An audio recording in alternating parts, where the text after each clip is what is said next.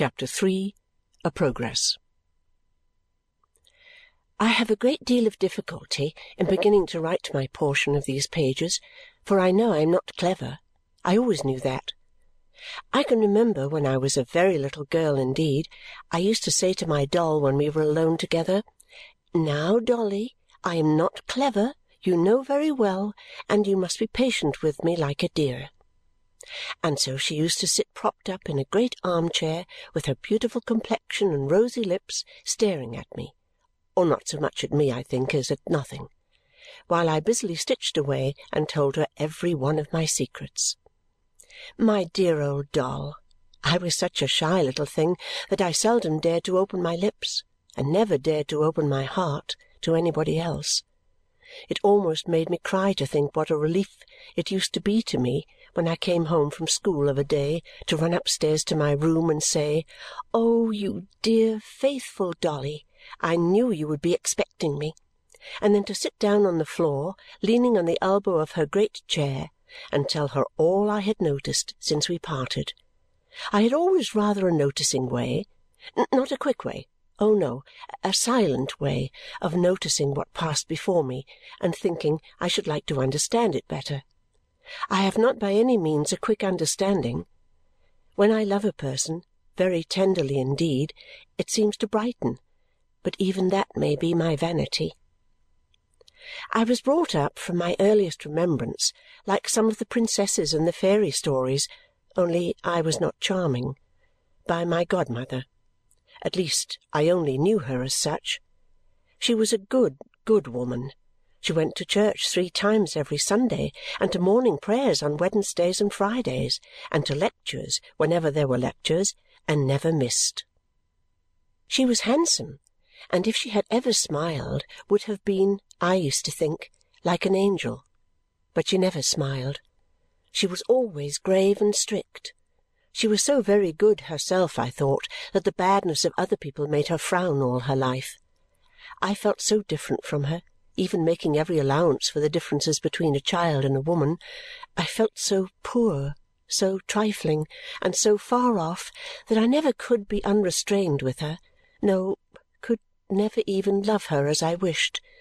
It made me very sorry to consider how good she was and how unworthy of her I was, and I used ardently to hope that I might have a better heart, and I talked it over very often with the dear old doll.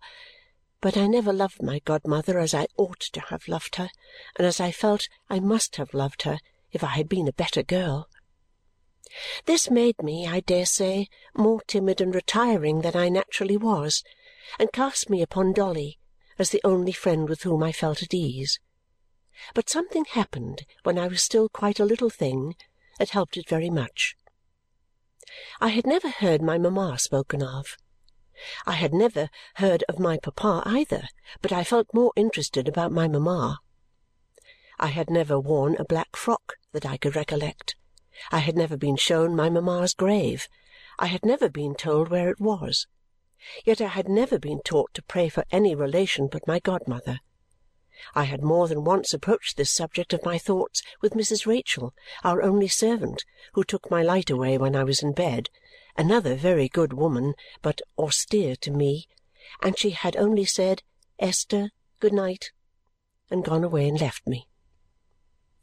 Although there were seven girls at the neighbouring school where I was a day boarder, and although they called me little Esther Summerson, I knew none of them at home.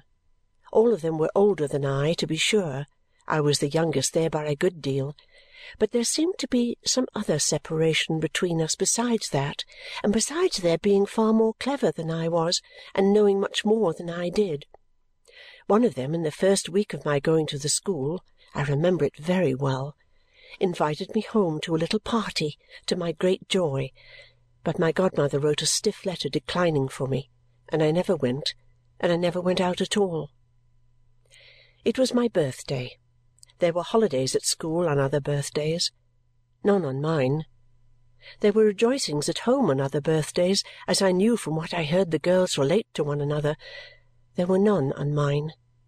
My birthday was the most melancholy day at home in the whole year.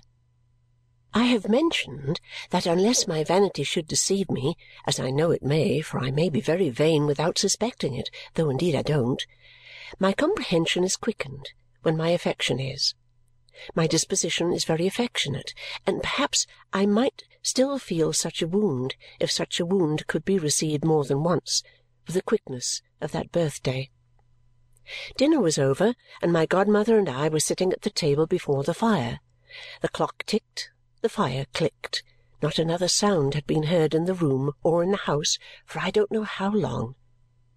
I happened to look timidly up from my stitching across the table at my godmother, and I saw in her face, looking gloomily at me, it would have been far better, little Esther, that you had had no birthday, that you had never been born.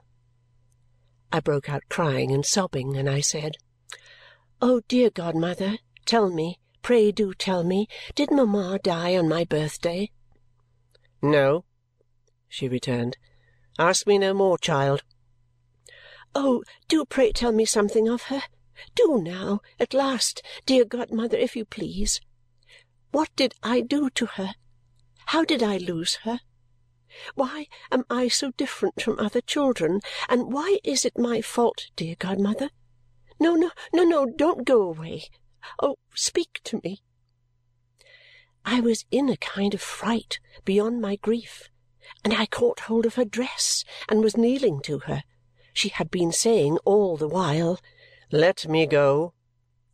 But now she stood still.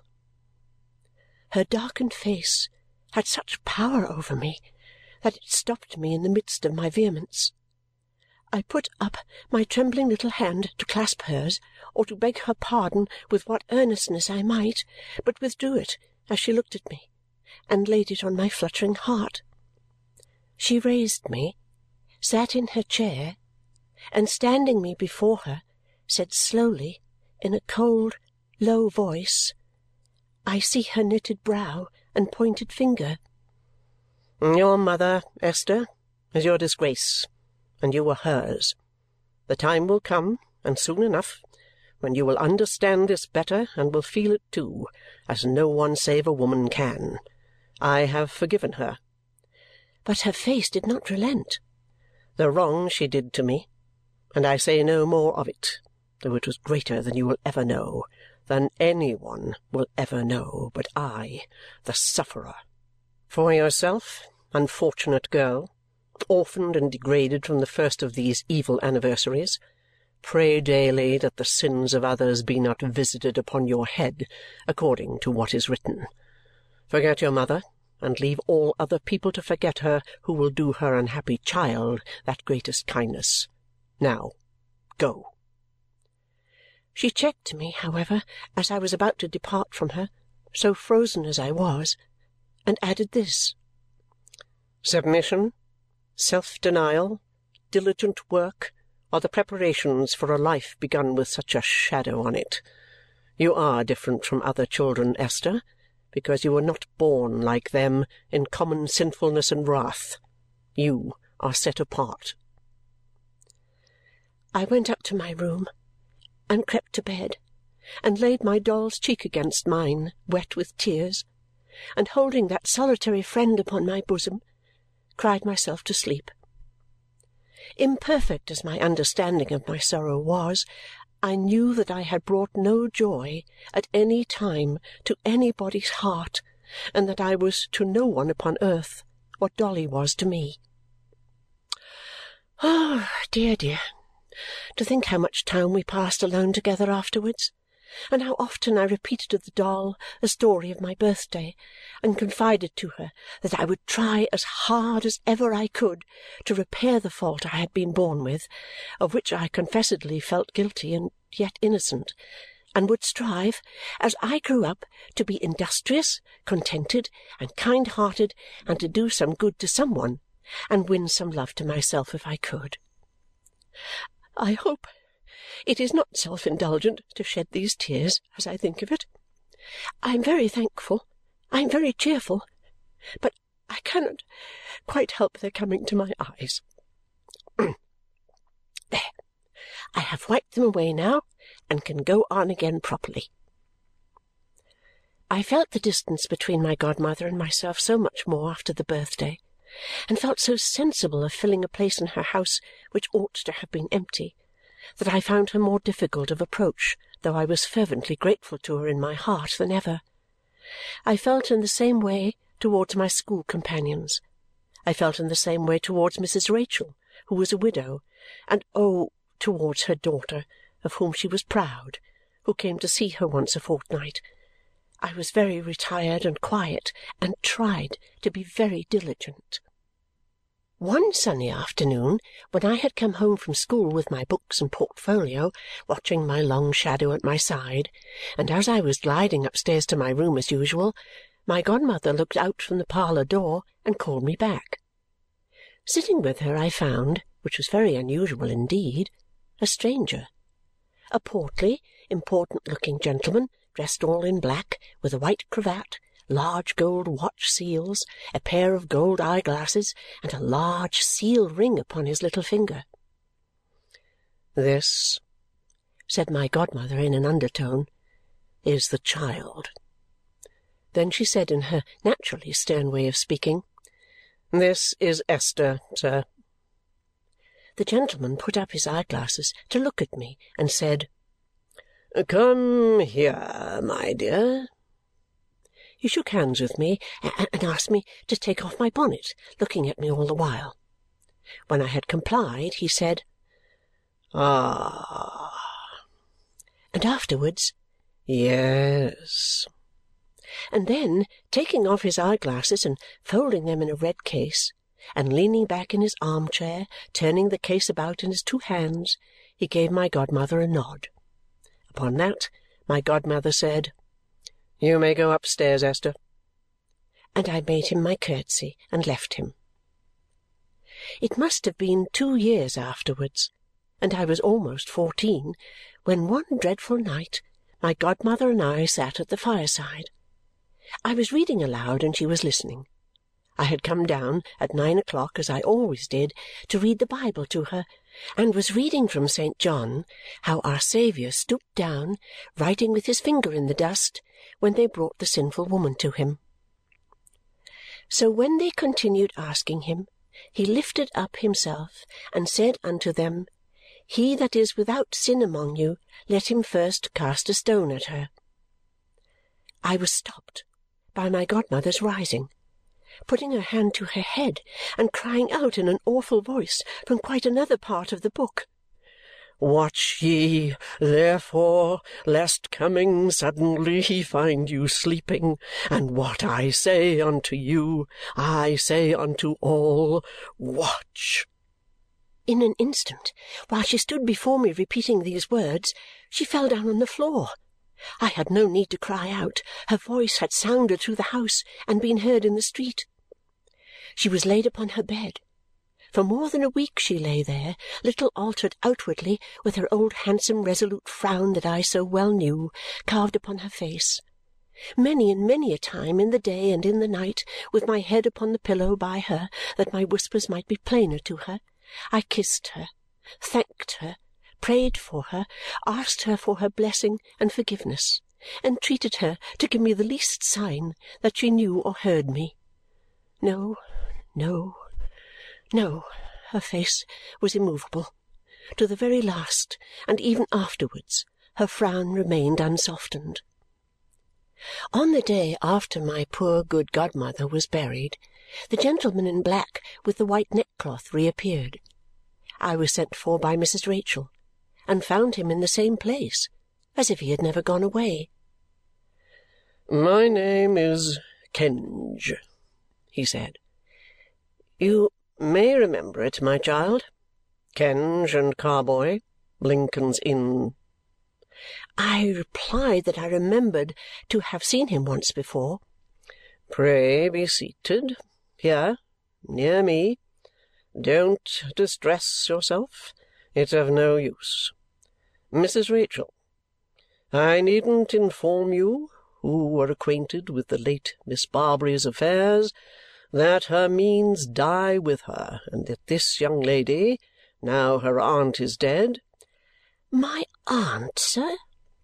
It is really of no use carrying on a deception when no object is to be gained by it," said Mr. Kenge smoothly.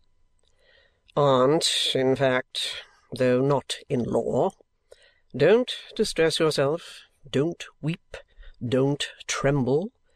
Mrs. Rachael, our young friend has no doubt heard of uh, the uh, Jarndyce and Jarndyce?"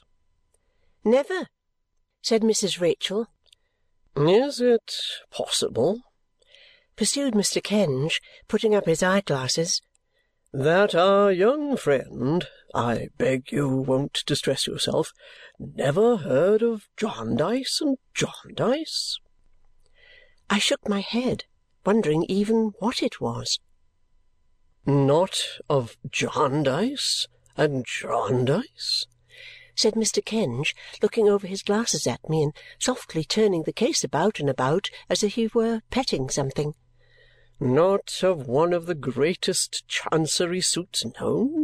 Not of Jarndyce and Jarndyce, the uh, itself a monument of Chancery practice, in which, I would say, every difficulty, every contingency, every masterly fiction, every form of procedure known in that court is represented over and over again?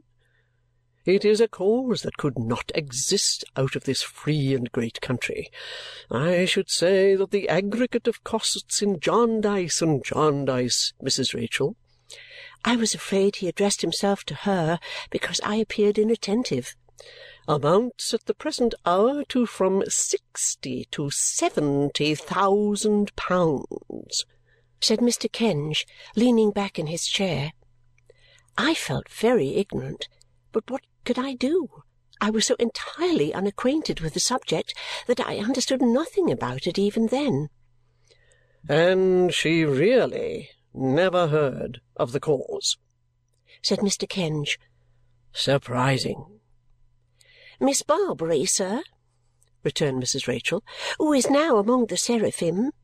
"I hope so, I am sure," said Mr. Kenge politely wished Esther only to know what would be serviceable to her, and she knows from any teaching she has had here, nothing more.